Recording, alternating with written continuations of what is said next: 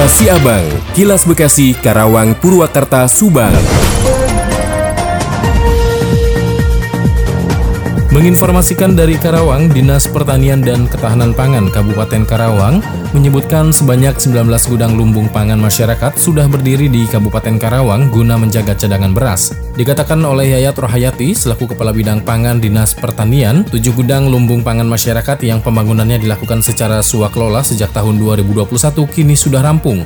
Gudang lumbung pangan dengan kapasitas 100 ton gabah ini berlokasi di tujuh kecamatan, sedangkan anggarannya bersumber dari pemerintah pusat melalui dana alokasi khusus yang mencapai hingga 7 miliar rupiah. Disebutkannya setiap satu gudang lumbung pangan, anggaran pembangunannya sebesar 1 miliar rupiah, yang dilengkapi dengan bangunan untuk mesin pengering dan penggiling padi, bangunan gudang, dan lantai jemur. Menurut Rohayati, gudang lumbung pangan tersebut berada di Kecamatan Kutawaluya, Majalaya, Telagasari, Lemah Abang, Tempuran, Cilamaya Wetan, dan Kecamatan Rawamerta. Selain itu, di Karawang juga sebelumnya atau pada tahun 2021 telah dibangun tiga gudang lumbung pangan masyarakat di Kecamatan Ciampel, Tirta Jaya, dan Kecamatan Karawang Timur. Kemudian pada tahun 2017 telah dibangun juga 9 gudang lumbung pangan masyarakat di 9 kecamatan, di antaranya di Kecamatan Pangkalan, Tegalwaru, Tirta Jaya, Rawamerta, Telagasari, Rengas Dengklok, Jayakerta, Cilamaya Wetan, dan Kecamatan Kutawaluya. Bupati Karawang Selika Nurhadiana menyebutkan kalau keberadaan gudang lumbung pangan diperlukan untuk menjamin stok dan harga stabil. Gudang lumbung pangan tersebut juga berfungsi guna menyimpan gabah saat musim hujan dan menjualnya ketika musim kering tiba. Demikian Yuda Seta, 96,9 FM ADS Radio Karawang untuk Kilas Siabang.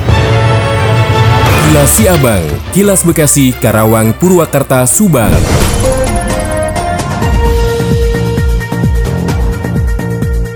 Dari Subang dikabarkan, masyarakat Subang diminta tetap menerapkan protokol kesehatan di momen liburan Natal dan Tahun Baru. Hal itu disampaikan pihak Satgas COVID-19 Kabupaten Subang. Menilik pengalaman sebelumnya, selalu ada pergerakan orang secara masif di momen libur Natal dan Tahun Baru. Hal itu memunculkan potensi penularan penyakit menular seperti COVID-19.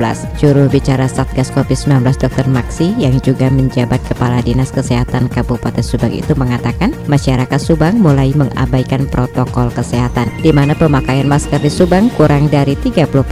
Warga yang menjalani vaksinasi juga menurun drastis per harinya. Di puskesmas kurang dari 10 orang yang divaksin. Menurut Maksi, menurunnya kesadaran masyarakat terhadap penerapan protokol kesehatan dikarenakan mereka sudah merasa hidup sehat. Terkait Natal dan Tahun Baru, Satgas COVID-19 Subang tak akan melakukan pembatasan kegiatan masyarakat baik di pusat perbelanjaan maupun di tempat wisata. Selain itu, Maksi menghimbau kepada warga yang akan merayakan libur Natal dan Tahun Baru agar menghindari kerumunan. Demikian Tika, GSP Radio Pamanukan mengabarkan untuk Kilas Siabang. Kilas Siabang, Kilas Bekasi, Karawang, Purwakarta, Subang. Dikabarkan dari Subang, Bupati Subang Rohimati dan Ketua TPPKK Kabupaten Subang Yoyo Sophia Rohimat hadir dalam kegiatan harmonisasi dan refleksi kerja Direktorat Jenderal Prasarana dan Sarana Pertanian Kementerian Pertanian bertempat di Diskopi Hotel Ancol, Jakarta.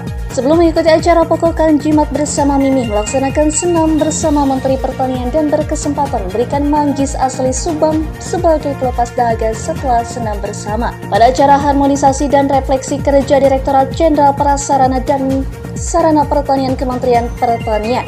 Beberapa kabupaten atau kota dan stakeholder pertanian menyampaikan penghargaan kepada Menteri Pertanian dengan dengan Kang Jimat, menyerahkan secara langsung penghargaan dan penghormatan dari Kabupaten Subang.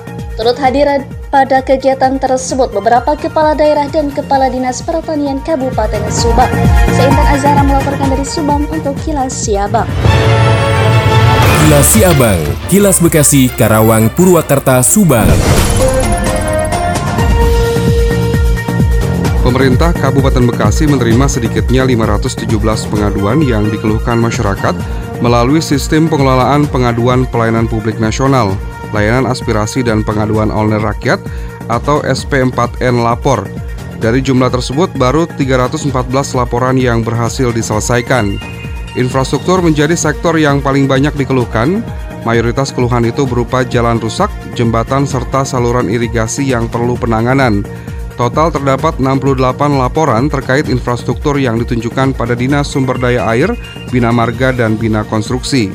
Data ratusan pengaduan itu dihimpun dari 1 Januari hingga 11 Desember 2022 Selain infrastruktur, persoalan bantuan sosial juga banyak dikeluhkan. Tercatat 52 laporan dilayangkan pada Dinas Sosial terkait penyaluran bantuan pada masyarakat. Kemudian keluhan terbanyak lainnya dilayangkan pada Dinas Ketenagakerjaan sebanyak 40 laporan, Dinas Kependudukan dan Pencatatan Sipil sebanyak 35 laporan, dan Dinas Perhubungan sebanyak 26 laporan. Seperti diketahui, SP4N Lapor merupakan pusat pelayanan pengaduan. Sistem ini dikelola oleh tiga lembaga yakni Kementerian Pendayagunaan Aparatur Negara dan Reformasi Birokrasi, Kantor Staf Presiden dan Ombudsman Republik Indonesia.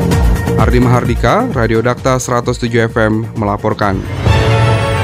Demikian kilas Abang yang disiarkan serentak Radio Dakta Bekasi, Radio Gaya Bekasi, Radio El Gangga Bekasi, Radio ADS Karawang, Radio GSP Subang, Radio Mustika Subang, Radio El Sifa Subang, Radio MKFM Subang, dan Radio Populer Purwakarta. Nantikan kilas Abang selanjutnya.